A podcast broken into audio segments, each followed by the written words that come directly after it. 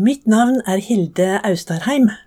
Jeg er kulturhistoriker og jobber som konservator på Kubun museum og arkiv i Arendal. Jeg skal ta deg med til øya Mærdø utenfor Arendal, som i sin tid var en av de viktigste uthavnene på Agderkysten. Her ligger Mærdøgård museum, et godt bevart skipperhjem fra seilskutetiden. I denne podkasten vil du høre om hvordan uthavna vokste fram, om losene som viste vei til trygg havn, og om overgangen fra skipperhjem til museum. Denne episoden handler om de siste beboerne på Mærdøgård.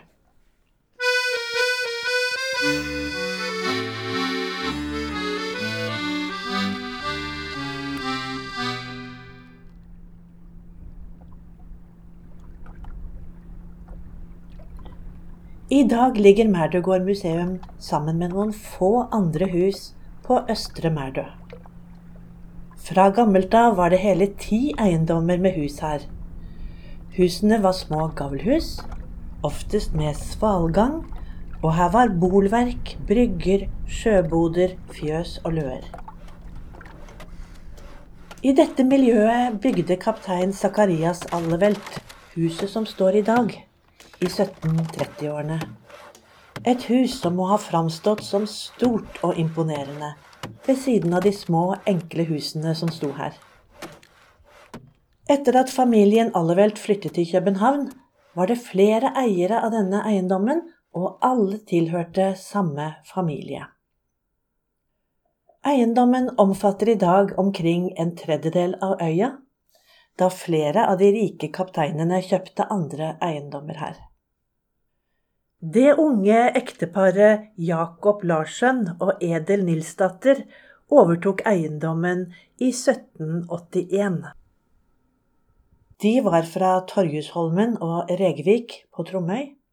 Hovedbygningen gjennomgikk en omfattende ombygging og ble preget av den nye ampirstilen. Jacob var skipper og brakte med seg kostbare varer hjem fra utlandet. Familien opplevde velstanden som fulgte med sjøfarten, men også nedgangstidene etter napoleonskrigene. Edel og Jakob hadde seks barn, tre sønner og tre døtre. En av sønnene deres slo seg ned i Venezia, en annen sønn i Seby på Jylland, og den yngste sønnen Jakob overtok farens familiehjem i Torjusholmen. Den eldste datteren Mette døde 29 år gammel i 1813. To døtre var igjen på Mærdø, Karen og Anne. Anne giftet seg med skipper Thomas Jensen i 1819. Året etter døde faren, Jacob Larsen, og en æra tok slutt. Anne og Thomas overtok eiendommen mot å forsørge Annes mor, Edel, og den ugifte søsteren Karen. Edel døde i 1832. Anne og Thomas hadde ikke barn. Her ser vi kanskje starten på det som senere skulle bli Merdøgård museum. Etter at Thomas Jensen døde i 1854, bodde de to søstrene her, fremdeles i foreldrenes hjem. Etter Karens død i 1869 overførte Anne eiendommen til sin ugifte niese Edeline Larsen fra Torjusholmen mot pleie og forsørgelse, slik det var vanlig. Det var et nært forhold mellom familiene på Mærdø og Torjusholmen. Edeline var 37 år gammel da hun flyttet over fjorden til Mærdø i 1871 sammen med sin gamle far, Jakob, som var Annes bror. Jakob kom da tilbake til sitt barndomshjem på sine eldre dager. Han døde i 1881 og Anne året etter. Om Edeline heter det i slektsboken om familien Larsen at hun var Sysselsatt med husholdnings- og agerbrukssysler, mens hun med kjærlighet og omhu pleier de gamle der er betroede i hennes forsorg. Uten aktive skippere tok velstanden på Merdogård slutt. Et legat fra den danske familiegrenen sikret dem litt penger, i tillegg til tomteavgifter og utleie av laksefiske. I 1893 satte Edelines bror, Jacob Christian Larsen, inn en annonse i Vestlandske Tidende om salg av eiendommen på Mærdø på sin søsters vegne. Overskriften var 'Fordelaktig eiendom'. Det ble lagt vekt på lakserett, sildefiske, overtakelse av kyr og avling, og at stedet kunne egne seg som handelssted. Dette salget ble det imidlertid ikke noe av.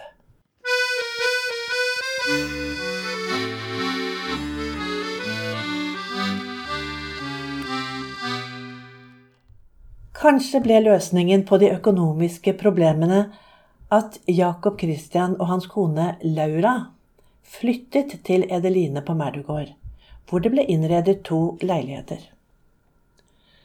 Jacob Christian hadde vært skipper i alle år, som mennene før ham i generasjoner, men også for ham var velstandstiden over. Rundt 1900 var det fire eldre mennesker som bodde på Merdugård. Edeline, ekteparet Jacob Christian og Laura og tjenestepiken Tomine Asmundsdatter fra Revesand. Hun hadde vært i tjeneste på Merdø lenge før Edeline overtok gården.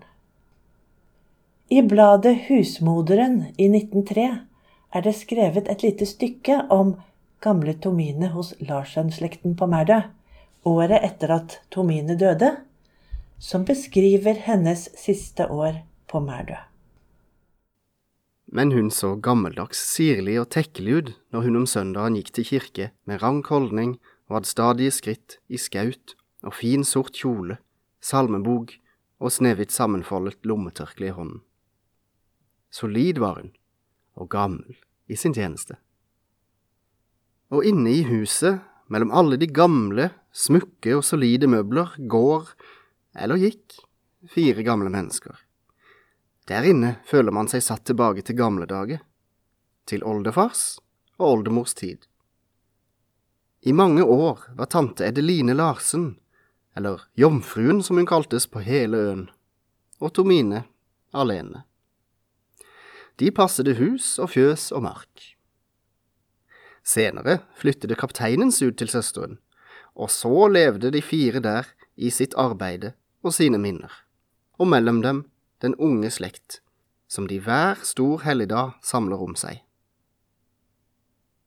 Tomine hjalp sin jomfru, som hun hadde hjulpet dennes tante før henne. De sled fra morgen til aften og holdt alt skinnende blankt og hvitt fra kjeller til loft, fra sal til fjøs, vidskurede gulver, blanke ruder med blomster og med vide gardiner helt ut i fjøset, med de tre eller fire rødbrogede kjør. Der er kloge som mennesker og forstår hvert ord deres jomfru sier til dem. Men de kan riktignok ikke like at fremmede folk kommer der ut. Tomine var både karl og pige. Hun slo ned gresset og fikk høet inn. Hun lagde poteter, og hun sådde kornet. Alt brakte hun i hus. De siste år måtte hun dog stundom have hjelp til markarbeidet.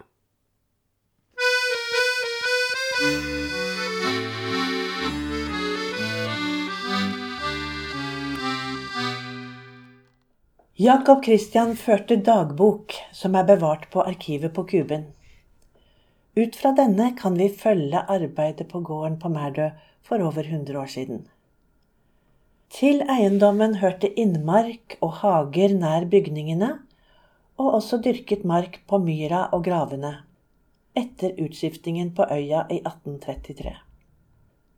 I april ble det kjørt gjødsel og tang ut på markene.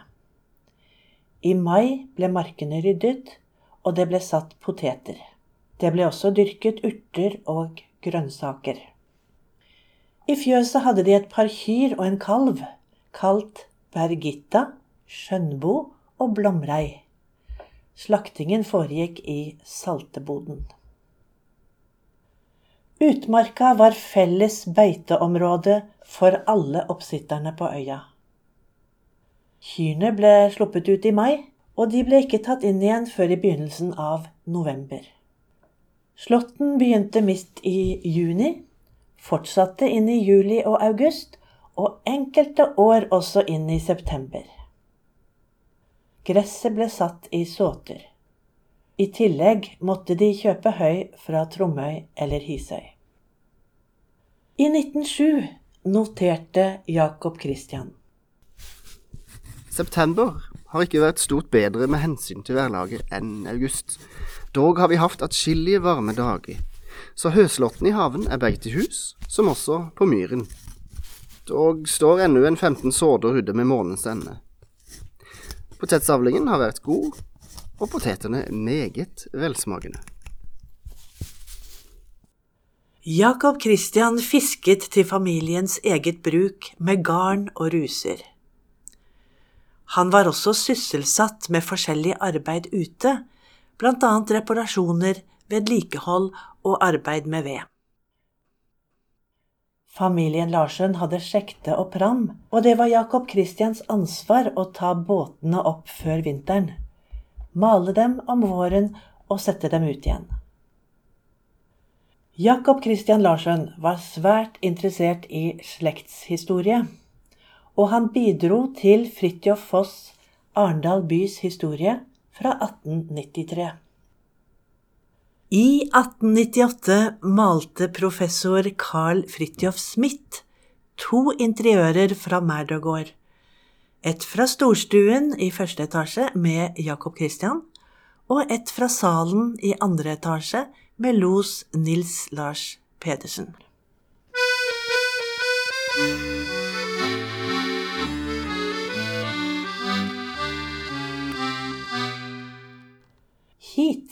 Til de gamle på Mærdøgård, kom et oldebarn av Jakob Larsen og Edel Nilsdatter. Agathe Hamelé, født Larsen, fra den danske familiegrenen. Hennes familie hadde flyttet til Berdiansk i Ukraina. Agathe hadde giftet seg med den velstående kornkjøpmannen Johan Hamelé i Odessa, og de hadde tre barn. Omkring 1900 etter mannens død oppsøkte Agathe slektningene sine på Mærdø. Hun hadde arvet en sterk interesse for det gamle familiehjemmet fra sin far, Jacob Edler Larsen. På Mærdø fant hun at de gamle befant seg i høyeste nød. Hun tok et økonomisk ansvar og knyttet sterke bånd til Edeline.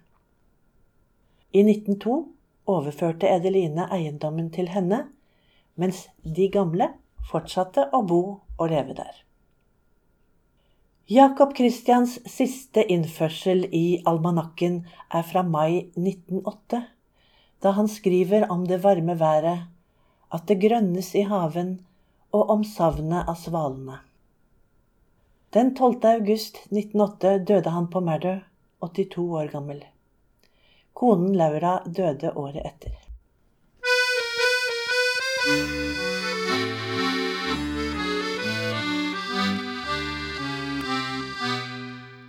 I mellomtiden var ideen om museum blitt sterkere. Hjemmet på Mærdø ble omtalt som De Larsenske samlinger, og flere kom på besøk ut til øya for å se det gamle, godt bevarte skipperhjemmet. Også dikteren Wilhelm Krag var blitt oppmerksom på dette hjemmet. Etter Edeline Larsens død i 1915 skrev han. Gamle frøken Larsen på Mærdø er død, og hennes hus er stengt og stille. Siste sommer besøkte jeg henne, der hun bodde alene langt ute i skjærgården. Jeg skulle ha besøkt henne igjen nå i påsken. Hun hadde en mengde merkelige historier fra gamle dager at fortelle meg. Dessverre kommer jeg for sent. Nå er hun død, Og hvordan det skal gå med det merkelige slektshjem, ja, det er ikke godt at vite. Etter Edelines død ble eiendommen en tung bør for Agathe Hamelé. Ingen holdt lenger varme i ovnene, og huset var stengt og stille. Hun ønsket å selge, men kunne ikke gi eiendommen bort til musealt formål, da hun ville sikre sine barn en arv. Samtidig var tanken om museal bevaring langt framme, også i den offentlige debatt, spesielt i avisen Tidens Tegn. Agathe ble provosert over alle som mente noe om dette, og framholdt at diskusjonen gjaldt kun et gammelt hjem og private forhold. Men Agathe kjente generasjonenes forpliktelser på sine skuldre. Da det ikke lyktes å selge eiendommen verken til Arendal kommune, Arendals museum eller Norsk folkemuseum, satset hun sterkt på konsul Peter Fredrik Dahl i Molde. Konsul Dahl var fra en familiegren utgått fra tidligere eier av eiendommen midt på 1700-tallet, Ole Larsøn Dahl. I et brev til konsul Dahl skriver Agathe. Jeg vil atter igjen tage min inderlige bøn om, at de og deres kære hustru snarest muligt ville glæde mig med deres velkomne besøg. Jeg har allerede forberedt kære gamle tante Annes soveværelse til dem, med hendes seng, hendes hjørneskab og gamle vaskebord.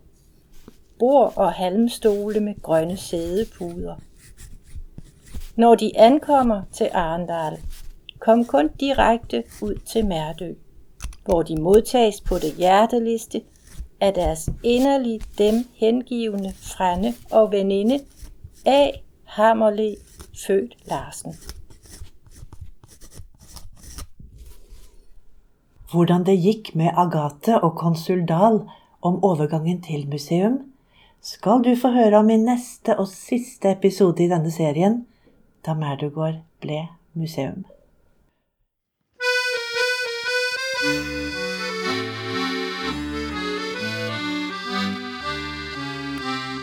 Du har nå hørt den tredje historien i podkastserien Mærdø fra uthavn til sommerparadis. Podkasten er laget av Kuben i Arendal, Aust-Agder museum og arkiv. Manusforfatter er Hilde L. Austarheim.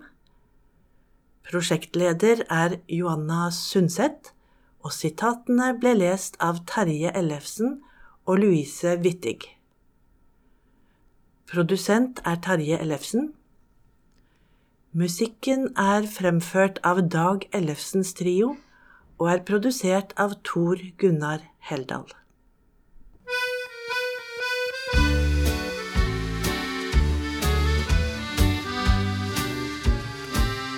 Arendal har utfartssteder. Merdu er det et som heder. Det er en plett av Norges fagre land. Og når Kjell kommer, lokker Merdø med sin sommer. Med sine sletter og det friske, salte vann. I sommervarmen tar vi kurven under armen og drar til Merdø, naturligvis. Der vi bade kan i sjøen, i hver liten bukt av øen. Kom, bli med på tur til Merdø, det er et paradis. Og når dagens varme svinner, fokk og seil vi sammen binder. Til skjul og hygge i den dunkle natt. Og mens kaffekjelen surrer, vi som duen stille kurrer og nyter natt nattens stillhet med en liten skatt. Ja, sommernatten, den er vakker der på knatten. En fredfull ro over sjø og land. Og mens nattens skygger svinner, solen stråler atter finner vei til Mærdes fagre sletter, der vi gikk i land. Snart skal Kjell og Terne drage, og med dem de glade dager. kommer det sletter, her ved Sørlands kyst. Ingen om på det sletter i de lyse sommernetter. En vemodig tanke røres inne i mitt bryst. Men husk, det kommer etter vinteren en sommer. Når Kjell og Terne skal bygge bo. Da igjen de muntre klynger drar til Merde mens de synger. Ja, vi elsker dette landet og Merde stille ro.